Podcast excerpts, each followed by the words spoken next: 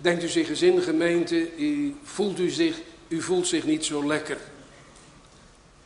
Al een poos niet. En u gaat naar de dokter. En u zegt, dokter, ik mankeer dit en dat. En het gaat maar niet over. U moet me eerlijk zeggen wat er eigenlijk aan mankeert. En de dokter gaat onderzoek plegen en je moet hierheen en daarheen voor onderzoek. En uiteindelijk heeft hij de uitslag. En je komt bij hem of bij haar. En ja, het blijkt niet zo goed te zijn. En de dokter zegt, ja, ik heb niet zo'n mooie boodschap voor u. Maar er zit ook een goede kant aan. U bent ernstig ziek en medicijnen, misschien nog andersoortige behandelingen. Maar er is goede kans op genezing. Stelt u zich eens voor dat u zou zeggen, ja dokter, hou eens even. Zo'n lange behandeling en zoveel zware medicijnen wil ik niet. Ik zoek het zelf wel uit. Dat doe je toch niet? We komen vanmorgen een man tegen die dat wel doet.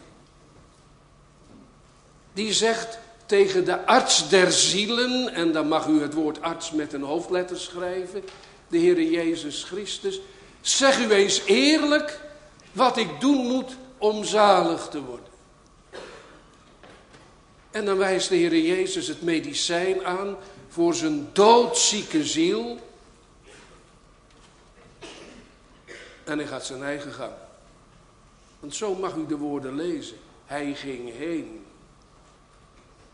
Hij kwam niet tot Jezus om hem te volgen. Wat betekent dat? Wat betekent dat ook voor ons, voor jou en voor u en voor mij? We willen samen met Gods hulp daarbij stilstaan.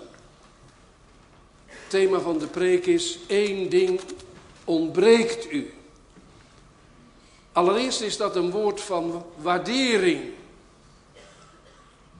Want het is één ding en de Heer Jezus ontkent niet dat deze jonge man de geboden in ieder geval uiterlijk gehouden heeft. En hij bemint hem. In de tweede plaats een woord van waarschuwing. Dat ene wat hem ontbreekt, dat is nu juist het meest wezenlijke waar het om gaat. En tenslotte een woord van verootmoediging. Hij moet als een arme van geest kruisdragen leren. Dus één ding ontbreekt u. Allereerst een woord van waardering, vervolgens een woord van waarschuwing en tenslotte een woord van verootmoediging. Als u even gekeken hebt in uw Bijbel, misschien voor de dienst, waar dit gedeelte staat, dan sluit het onmiddellijk aan bij de zegening van de kinderen door de Heer Jezus. Uit die geschiedenis wordt duidelijk dat de Heer Jezus ergens in een huis was. meest waarschijnlijk is dat hij in Galilea was en in Capernaum, waar hij een tijd gewoond heeft, wat tijd heeft doorgebracht. Daar gesproken heeft over de echtscheiding, want daarmee begint ons hoofdstuk. Toen hij uit huis gekomen was, de kinderen gezegend heeft. En daarna is ineens daar een man.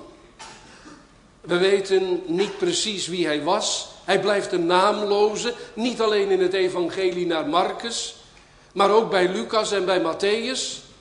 Maar als we de drie evangeliën naast elkaar leggen, dan wordt duidelijk dat hij een jonge man was. Dat schrijft Matthäus. En dat hij een, een overste was van de synagoge. Dus zo jong als hij was, we mogen denken aan iemand van 20, 21 jaar of daar in de buurt, had hij al een belangrijke positie in het religieuze leven van Israël. Want je werd niet zomaar overste van de synagoge. Dat betekende dat je in elk geval een voorbeeld was van godsvrucht en van wetsbetrachting. En Zozeer zagen de mensen in deze jonge man de gaven die nodig zijn om leiding te geven aan een synagoge, dat hij het op zijn jonge leeftijd al was. In de oude kerk is al gefantaseerd over wie hij was. Er worden drie namen genoemd. Marcus zelf. Het zou kunnen, wat zijn leeftijd betreft.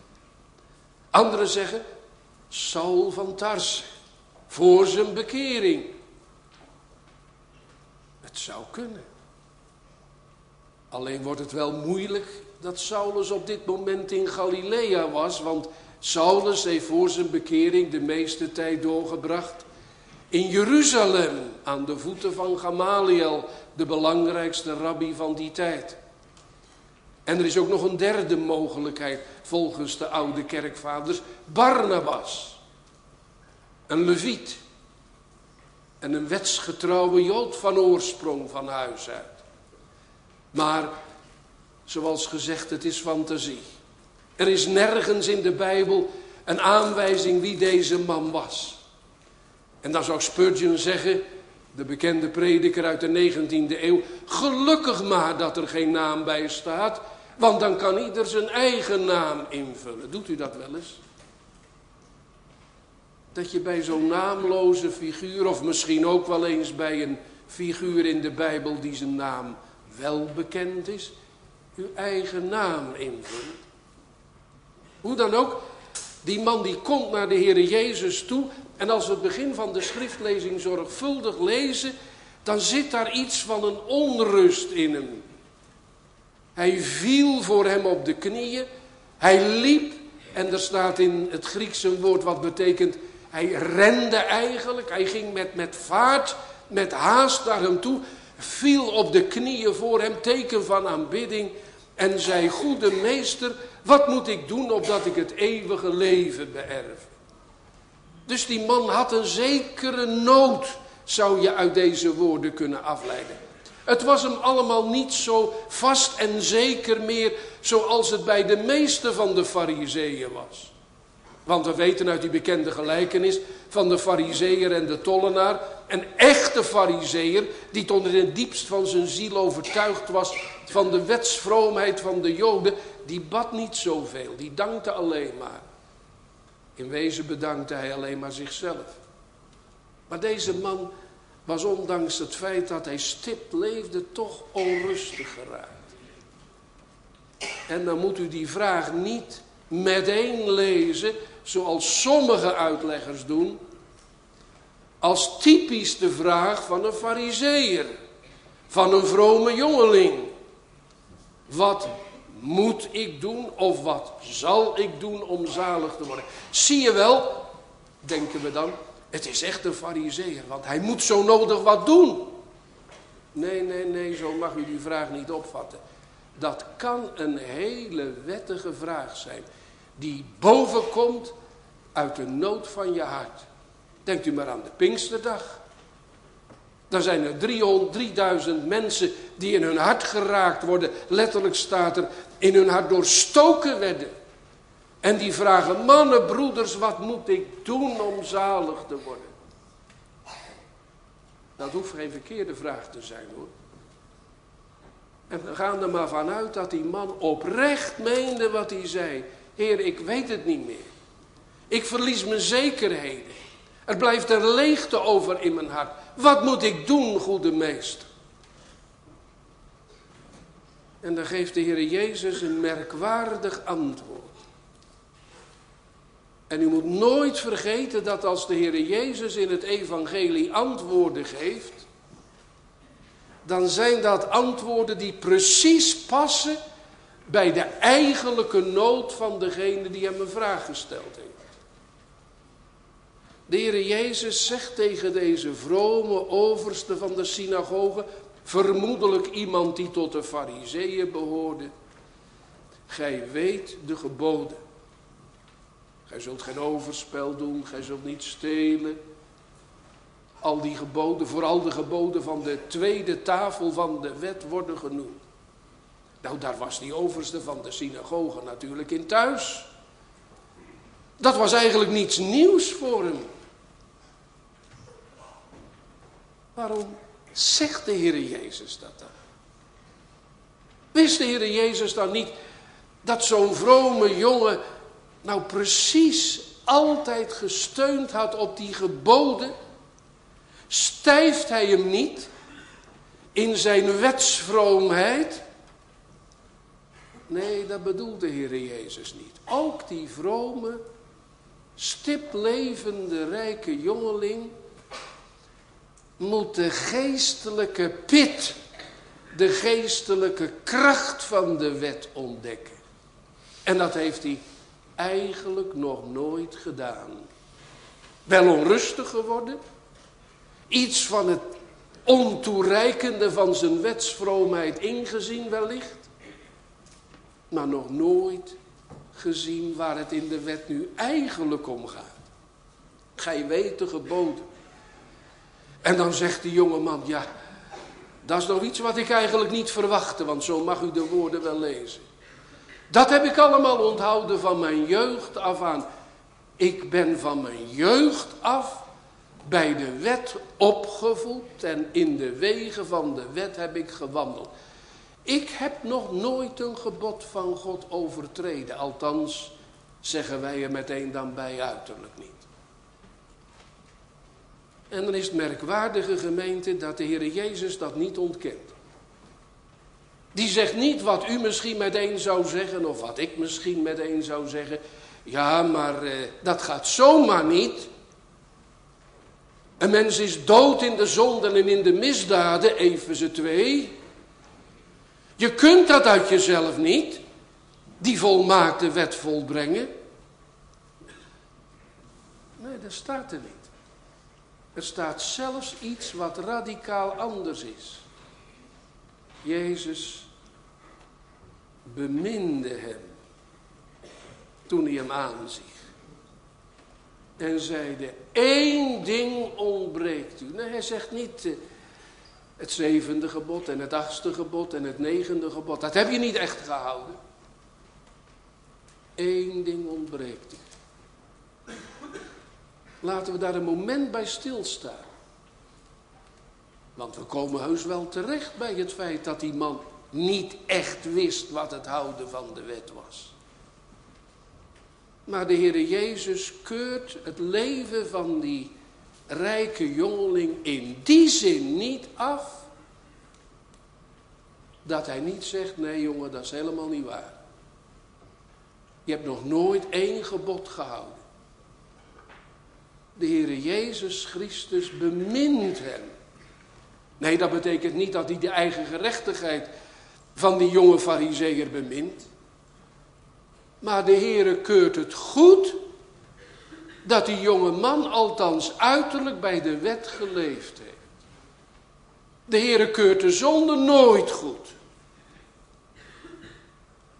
Maar dat die jonge man althans naar buiten toe in de wegen van het woord gewandeld heeft, dat vindt geen afkeuring bij de Heer Jezus. En laten we dan meteen dat woord van waardering, dat eigenlijk een beetje verhuld in deze tekst klinkt, maar naar onszelf toetrekken. Hoe is ons leven? Kunnen wij zeggen, en ik weet dat er hier zijn die het wellicht kunnen zeggen. Ik heb van mijn jeugd afgeleefd bij het woord van God. Dat is niet verkeerd. Dat is een zegen. En dat bewaart je voor veel uitbrekende zonden. Of moet je zeggen van mijn jeugd af heb ik geleefd midden in de wereld en die zonde is steeds meer een uitgeslepen, een vastgesleten patroon geworden in mijn leven. Want zoals je opgevoed wordt en zoals je je puberjaren doorbrengt, dat zet een spoor in je leven. Ik weet wel, iemand kan op hogere leeftijd diep in zonde vallen. Dat kan zelfs een kind van God overkomen. David was zo jong niet meer toen hij in diepe zonde viel. En wat te denken van Salomo, wiens leven zo, zo mooi, zo godvrezend begon, maar die toch later allerlei dikke wolken van ongerechtigheid over zichzelf verzamelde. Maar doorgaans, de Bijbel is daar helder in, trek je jeugd en de manier waarop je opgroeide diepe sporen. Nou, deze man kon zeggen van mijn jeugd aan, in mijn opvoeding, in mijn jonge leven, heb ik bij de wet van God geleefd, bij het woord van God geleefd. U ook? Als niet zo is, als u misschien zeggen moet, ja, ik zit zondags wel in de kerk. En dat is een gewoonte geworden die me eigenlijk toch ook op een bepaalde manier wel lief is. Maar als het nou gaat om door de week, dan leef ik er helemaal niet bij, dat is erg. Eigenlijk moet ik zeggen, van mijn jonge jaren af, van mijn jeugd af, heb ik twee heren gediend. En als je twee heren dient, jongelui, dan dien je in wezen één heer. Je zegt wel dat je twee heren dient. God en de wereld. Maar in wezen dien je maar één heer, dat is de wereld. Want je kan niet God dienen. En ook de wereld, zegt de Heer Jezus Christus. En als dat zo is, dat je eigenlijk van jongs af aan toch een beetje geschipperd hebt tussen de wereld en de zonde en het meedoen met de dingen. Laat dan dat oude woord uit de psalm op je hart gegrift worden. Sla de zonde nimmer ga, die mijn jonkheid heeft bedreven. Denk aan mij toch in genade. Heere, buig mijn levenspad, wat van mijn jonge jaren af niet goed geweest is. Buig het om. Neig mijn hart en voeg het samen tot de vrezen van uw naam. Maar het kan zo zijn dat je eigenlijk van jongs af aan bij het woord geleefd hebt. En niet ongevoelig geweest bent. Maar misschien heimelijk net als deze rijke jongeling daarvan je grond maakt voor de eeuwigheid. Daarop bouwt, ja, er wordt wel aan geschud. Je bent onrustig geworden. Wat moet ik doen om zalig te worden? Zo komt die man bij de Heer Jezus. Maar heimelijk is het toch zo. Al deze dingen heb ik onderhouden van mijn jeugd af aan. En dat kan een geweldige hindernis zijn om werkelijk tot de Heer Jezus te komen. Als je heimelijk of openlijk zulke goede gedachten van jezelf hebt. Het is een heel aangrijpend voorbeeld gemeente, maar ik heb het meegemaakt zelf. Iemand uit een van de gemeenten die ik gediend heb. Oud geworden, op een ziekbed gekomen, wat zijn sterfbed geworden is. En hij wist het, dat hij niet lang meer te leven had. En de tranen liepen over zijn wangen. Hij zegt, dominee, ik heb mijn hele leven, heb ik stipt geleefd volgens het woord van God. Erge grote zonde, nee, natuurlijk weet ik dat ik van binnen gezondigd heb. Altijd in de kerk geweest, altijd meegeleefd, mijn gaven gegeven. En dan moet ik toch nog verloren gaan. Proeft u de woorden? En ik zeg het aan de ene kant met diep medelijden en aan de andere kant met een stille huiver. Hij dacht dat hij ook nog wat verdiend had. Met al die 75 jaar van kerkgang en van stipleven, van zijn jeugd af aan. En eigenlijk Eigenlijk, nee, hij zou het nooit durven zeggen, gaf hij God de schuld dat het nu nog duister was op zijn sterfbed. Dat is erg. Al deze dingen heb ik onderhouden van mijn jeugd af aan. Heimelijk de revel fariseer zijn. Iets menen te verdienen met je degelijkheid met je trouwe meelevendheid. Allemaal prachtig. Maar het is niet genoeg. Want de Heer Jezus ontmaskert wat er werkelijk aan mankeert bij die rijke jongeling. Die jongen zegt, al deze dingen heb ik onderhouden van mijn jeugd af aan. En Jezus, hoewel hij hem bemint, en hoewel hij veel goede dingen ziet, naar de uiterlijke godsdienstigheid betreft in hem, stelt dan de vraag die als een diep lood is, die in zijn ziel zingt. Eén ding ontbreekt u. En dan moet u, zegt Calvijn al zo mooi, niet denken bij maar één ding ontbreekt u. Het is allemaal goed met je, maar er is één klein gebrek in je. Nee, nee, nee, dat bedoelt de Heer niet. Eén ding ontbreekt u bij uw uiterlijke vroomheid. En dat is het meest wezenlijke. Eén ding. Wat is dat ene ding dan? Wel, dat is dit. Ga heen, verkoop alles wat gij hebt, geef het de armen en gij zult een schat hebben in de hemel. En kom herwaarts, neem uw kruis op en volg mij. Ga heen en verkoop al wat gij hebt en geef het de armen. Betekent dat dat die man zalig wordt door alles te verkopen en aan de armen te geven? Nee. Betekent dat als toepassing dat wij alles moeten verkopen en aan de armen geven? Nee. Dat is wel gedacht. Ik noem twee voorbeelden uit de geschiedenis van de kerk, maar je zou er nog veel meer kunnen noemen. Aan het einde van de vierde eeuw leefde de zogenaamde heilige Martinus van Tours. Beter bekend in deze landen als Sint Maarten, Martinus. En van die Martinus wordt gezegd dat hij rond 380 na Christus militair werd in Gallië, dat is Frankrijk tegenwoordig. En dat hij in Tours, de stad Tours, werd gestationeerd. En hij was iemand die wel bij het woord leefde, maar toch ook wel een beetje bruut was als soldaat.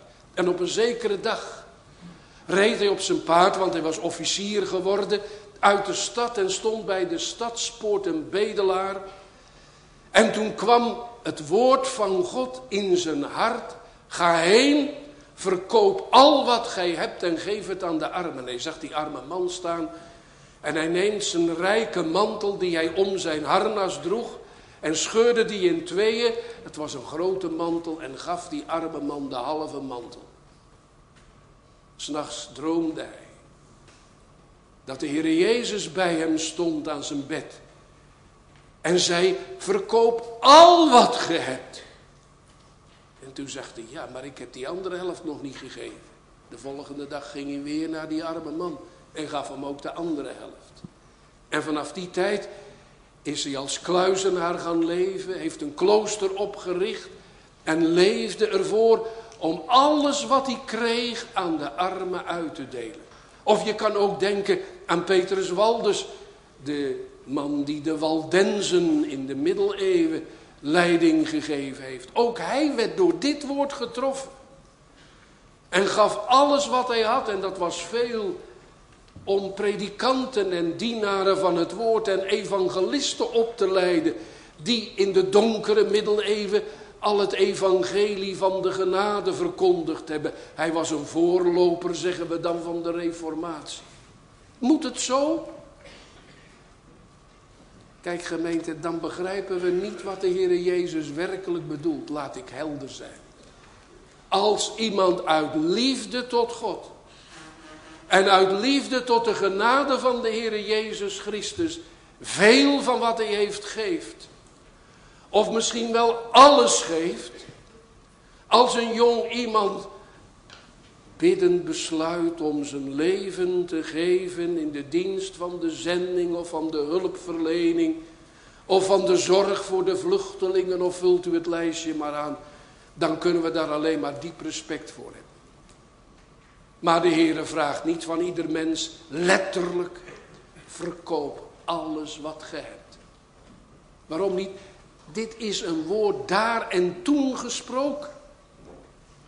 Die jonge man was rijk, dat staat duidelijk in het evangelie. En blijkbaar is het zo, de Heer Jezus doorzag het, Dat zijn grote rijkdom hem in de weg stond om werkelijk de Heere te zoeken en tot Hem te komen. Want we mogen nooit vergeten, ik kom daar nog op terug, dat het hart van wat de Heere Jezus tegen deze man zegt in het slot van de tekst staat.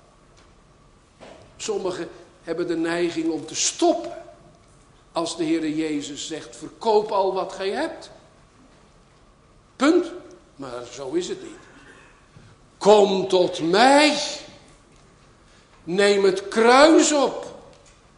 En volg mij. Dat is de kern van de boodschap. En dat is het ene nodige wat een man mist. Hij mist een geestelijk zicht op de Heer Jezus. Hij mist een geestelijk komen tot de Heer Jezus. Hij mist het kruis dragen en het volgen van de Heer Jezus. En daarbij staat zijn grote rijkdom in de weg. Dat kan een, weg, een, een, een hindernis zijn, gemeente. De Heer Jezus heeft daar tijdens zijn aardse leven zo vaak voor gewaarschuwd. De rijkdom. En hij zegt het ook in het gesprek daarna tegen de discipelen. Hoe bezwaarlijk, hoe moeilijk is het dat de rijke ingaat in het koninkrijk van God. Waarom? Omdat iemand die materialistisch leeft, ook in onze gereformeerde gezinte materialistisch leeft, die graag bijdraagt aan een enorm stralend kerkgebouw. Die het liefst op het plein voor het kerkgebouw staat in een dikke Mercedes die goed geniet van de zegeningen van God, mag dat dan niet tot op zekere hoogte wel? Maar bepaalt dat je leven? Bepaalt dat je leven? Zie je dan niet hoe kleeft mijn ziel aan het materialistische stof? Ah, ziet mijn nood de welvaart in het westen van Europa. Hoeveel crisis we ook gehad hebben, heeft niet voor een geestelijke opwekking gezorgd, maar voor een geestelijke ondergang. Laten we dat nooit vergeten. En het is in dit opzicht ontzettend ontmaskerend dat de Heer Jezus Christus tijdens zijn aardse loopbaan nooit een van de afgoden bij naam en toenaam genoemd heeft. Ze worden in het Oude Testament bij naam en toenaam genoemd, de Baal, de Astartes. En noemt u het verder maar op. Maar dat doet de Heer Jezus niet, behalve één afgod. Eén afgod noemt hij bij naam, de Mammon. De God van het materialisme. En dan zit de dringende vraag hierachter. Wat staat u in de weg? Wat staat jou in de weg? om de Heere oprecht te zoeken. Wat is het struikelblok, zou Bunyan zeggen. Om tot Christus te komen. Gaat eens na in uw leven. We zongen niet voor niets die psalm aan het begin van de dienst. Doorgrond mij en ken mijn hart. Heren, wat is het, doorgrond u mijn hart, wat mij in de weg staat? Is het de liefde voor deze wereld? Is het de liefde voor een bepaalde zonde, een boezemzonde? Is het de liefde voor geld en goed, voor het materialisme? Is het een vleeselijke begeerte naar verkeerde dingen? Is het holle, droge, goddroge rechtzinnigheid waar nooit een rimpeltje doorheen gaat? Is het Heere, maak mij uw wegen bekend. Daar hoort dit ook bij hoor. Daar hoort dit ook bij. En er is nog iets gemeente en dan gaan we nog een spade dieper. Weet u, die man was rijk en die kon van zijn rijkdom geen afstand nemen. We lezen ook niet dat hij de Heer Jezus nieuwe vragen gaat stellen. Heer, maar moet ik dan alles opgeven? En hoe moet dat dan? Met mijn huizen, met mijn vrouw en met mijn kinderen. Hij gaat niet door. Hij vraagt niet door. We zouden vandaag zeggen, hij bidt niet door. Maar hij keert zich af. Waarom? Ja, omdat zijn hart verknocht was aan geld en goed, aan het materiële. Maar u moet er nog iets bij zeggen. Hij was vermoedelijk een fariseer, in elk geval een wetsgetrouwe jood. En bij de fariseeën en de wetsgetrouwe joden was het zo, dat als je veel van de Here ontving, dan was dat een teken niet alleen maar van Gods gunst, maar dan was dat de beloning van God voor je rechtzinnigheid, voor je nette leven, voor het, dit alles heb ik gehouden van mijn jeugd af aan. Weet je wat de favoriete psalm was van de fariseeën, de eerste psalm? Ja, ze lazen hem verkeerd. Het gaat hem wel, het gelukt hem wat hij doet. Nou, als je dus in de kreukel zit, en als je dus als een blinde Bartimeus aan de kant van de weg zit, dat betekent gewoon dat je dus niet stipt geleefd hebt. Wie heeft er gezondigd? Deze of zijn ouders? Als je gezondigd hebt, dan overkomt allerlei leedje. Maar als je netjes leeft en stipt leeft, ja, dan zegent de Heer je. Het gaat hem wel, het gelukt hem wat hij doet. Dus je rijkdom, de zegen, is het loon op de gerechtigheid van Gods wegen. En als de Heer Jezus zegt, geef nou je loon op de gerechtigheid maar weg. Ja, dan zakt hij door het ijs. Dan moet hij niet alleen maar zijn geld inleveren. Dat was al erg genoeg. Maar hij moet ook zijn godsdienst inleveren. Heel zijn religieuze overtuiging waar hij van jongs af aan bij geleefd heeft. Dit is het teken van Gods gunst. De zegeningen. Hij moet het inleveren. En hij moet een arme zondaar voor God worden. Ja, ik zeg het bewust langzaam. Dat het doordringt in u en jouw hart. Arme zondaar voor God worden. Dat ontbreekt hem. Eén ding ontbreekt. En als de Heer Jezus dat zegt, gemeente, dan zit daar een geweldige ingrijpende spiegel in.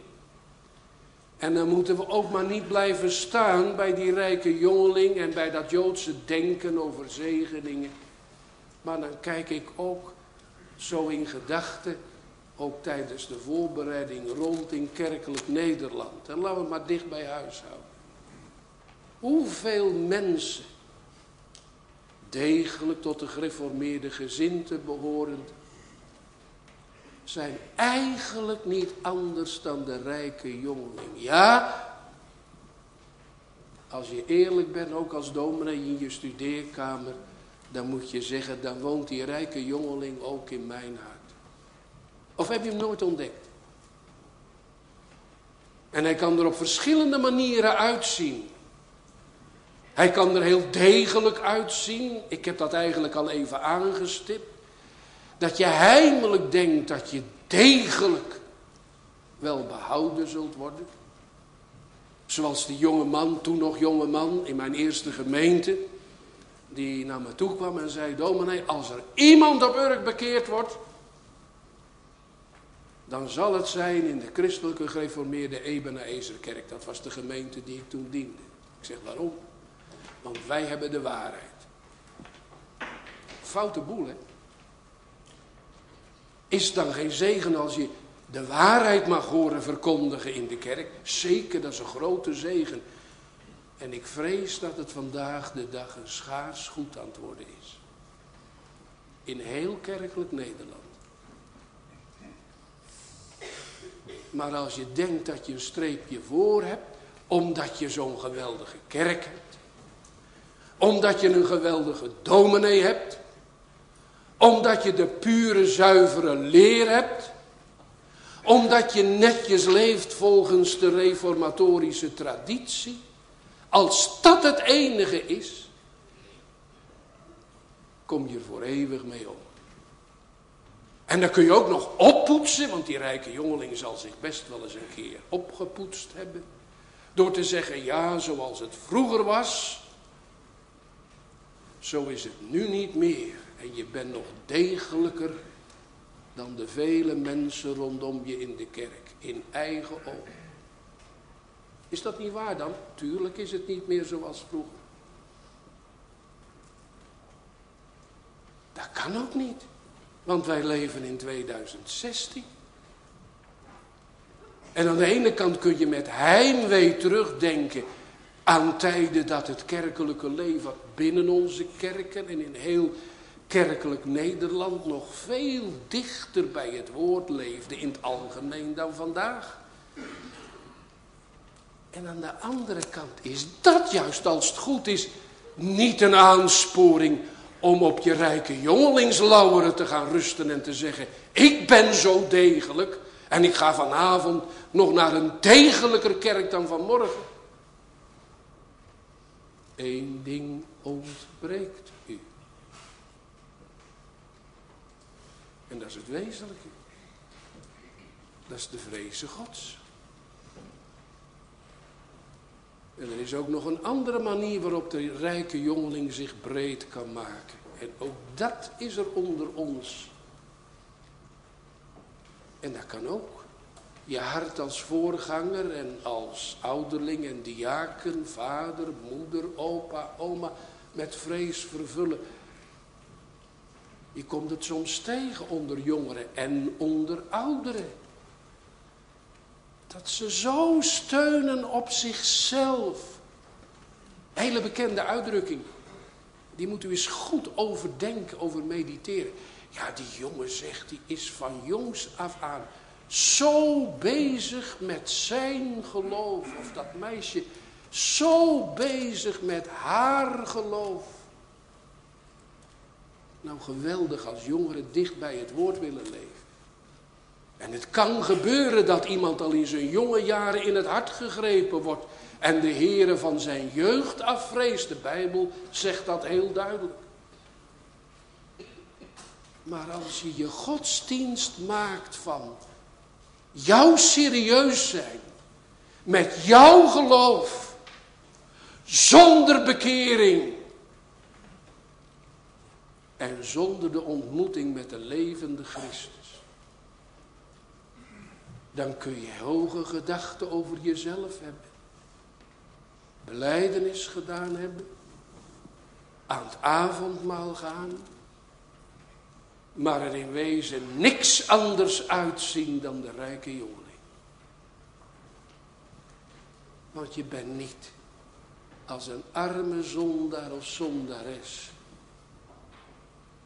tot hem gekomen. Dat is het punt, hè. En ik hoop daar vanavond vanuit een heel andere tekst nog wel meer over te zeggen. En daarom nu maar kort. Want de Heer Jezus zegt, verkoop wat je hebt. Laat alles wat je hindert, wat het dan ook is. Als je oog je hindert, als je hand je hindert, als je geld je hindert, als je moderne godsdienst je hindert, of als je orthodoxe godsdienst je hindert. Verkoop het. En kom tot mij. Mijn jongen, je hebt zoveel goed gedaan in je leven. Dat ontkent de Heer Jezus niet. Maar dan mis je één ding. Je bent niet tot mij gekomen. In de weg van bekering en geloof. Kom tot mij, allen die vermoeid en beladen zijn. En ik zal u rust geven. Hoe lang moet het nog duren? Ja, maar Dominic zit zo vast. Nou, maak dan die vraag van die rijke jongeling maar jouw vraag. Heren, wat moet ik doen? Wat moet er nog gebeuren? Kom tot mij, Heer, ik kan niet komen. Ik denk dat ik mezelf bedrieg. Ik zit zo vast. Ik ben al zo oud geworden. Heere, trek u mij dan gaan we niet weg. Dan zullen we u nalopen. Want er staat nog bij, kom tot mij en dan vervolgens neem uw kruis op en volg mij. Neem uw kruis op. Ja, die man moest alles verkopen. Dat was een stukje offer brengen. En ieder mens moet leren een stukje offer te brengen. Dit offer waar David over spreekt in Psalm 51. De offeranden die God behagen, zijn een verbroken hart en een verslagen geest. Een gebroken hart en een verslagen geest wat het zelf niet heeft en het zelf niet weet. Met die krukken zou Kolbrugge zeggen, kom je de berg Sion niet op. Maar die nu alleen verlegen is, heilbegeerig is om. En dan laat het woord kruis hier in deze tekst natuurlijk iets zien van de weg die de Heer Jezus gaat.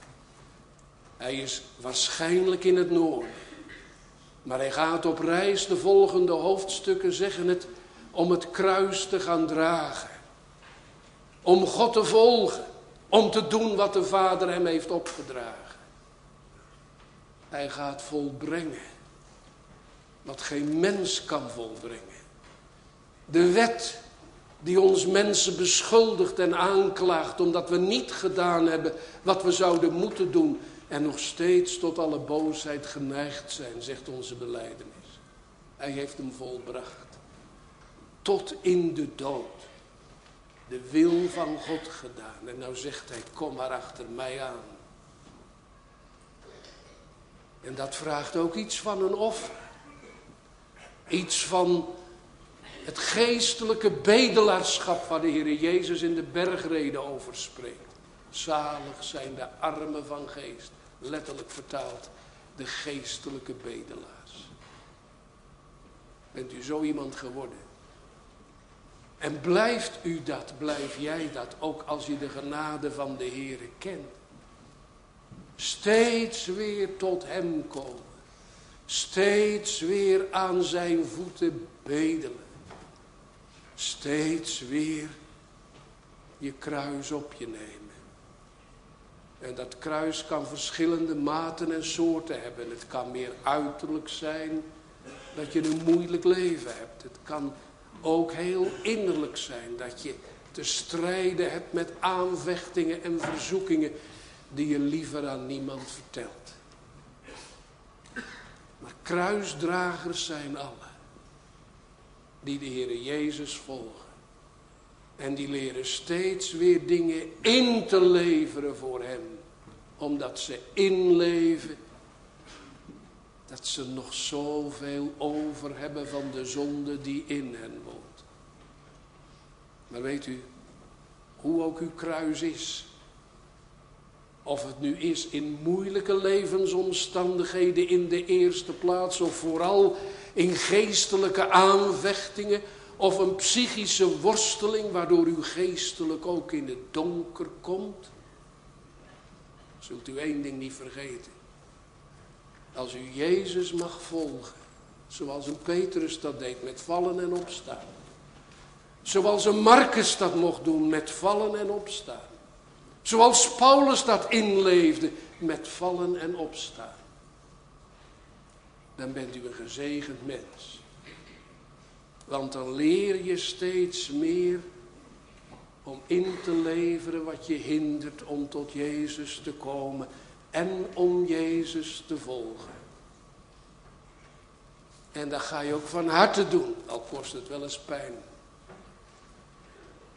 Want de hoogste vorm van liefde, God liefhebben boven alles, wat is dat? Dat is de bereidheid om voor God alles op te offeren wat opgeofferd moest worden. De hoogste vorm van liefde is als je bereid bent om offers te brengen. Niet ik, maar Hij. Niet mijn rijkdom, maar Hij die de schat heeft in de hemelen. Niet, vult u verder maar aan. En in dat kruis dragen. En in dat volgen. Ben je nooit alleen. Wie door het geloof tot Christus komt. Het kruis op zich neemt en volgt. volgt hem.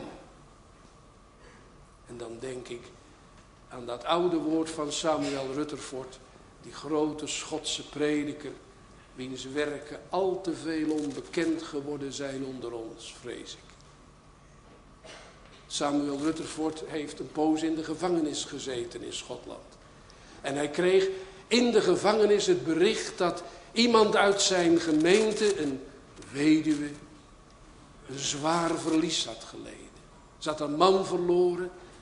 En als ik me goed herinner, had ze korte tijd daarna ook twee van haar zoons verloren. Of één van haar zoons. In ieder geval ontzettend kruis. En dan schrijft deze Samuel Rutherford vanuit de gevangenis. Geliefde zuster in de Heer, want ze was een vrouw die God vreest. De weg is zwaar. Menselijk gesproken te zwaar. U kunt het niet dragen, dat kruis. U gaat eronder gebogen. Maar ik bid u, geliefde zuster, sla uw ogen omhoog langs de kruisbalk op uw rug. En zie dat het zwaarste deel van het kruis wat op uw rug ligt, gedragen wordt door hem die u is voorgegaan. U draagt slechts het laatste stukje, hoe zwaar het ook is. Hij draagt het zwaarste. Want hij heeft het gezegd, in al uw benauwdheden ben ik benauwd. O gezegende voorganger, gezegende eerste. Gemeente, dan teken je weer bij na een periode van duisternis misschien. Als je weer even omhoog mag kijken, langs de kruisbalk. Hij met de doornenkroon. Met het bloed zichtbaar door zijn kleed. Het bloed van de geesteling. Hij draagt het zwaarst.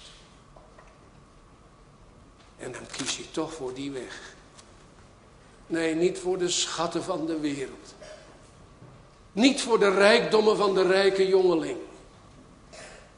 Maar voor de armoede van een arm geworden zaligmaker opdat je uit zijn armoede rijk zou worden. Schat in de hemel zou krijgen. En dan wordt je levenslied, ik zet mijn treden in uw spoor, opdat mijn voet niet uit zou glijden. Wil mij voor struikelen bevrijden en ga mij op de kruisweg met uw heilicht voor. Amen.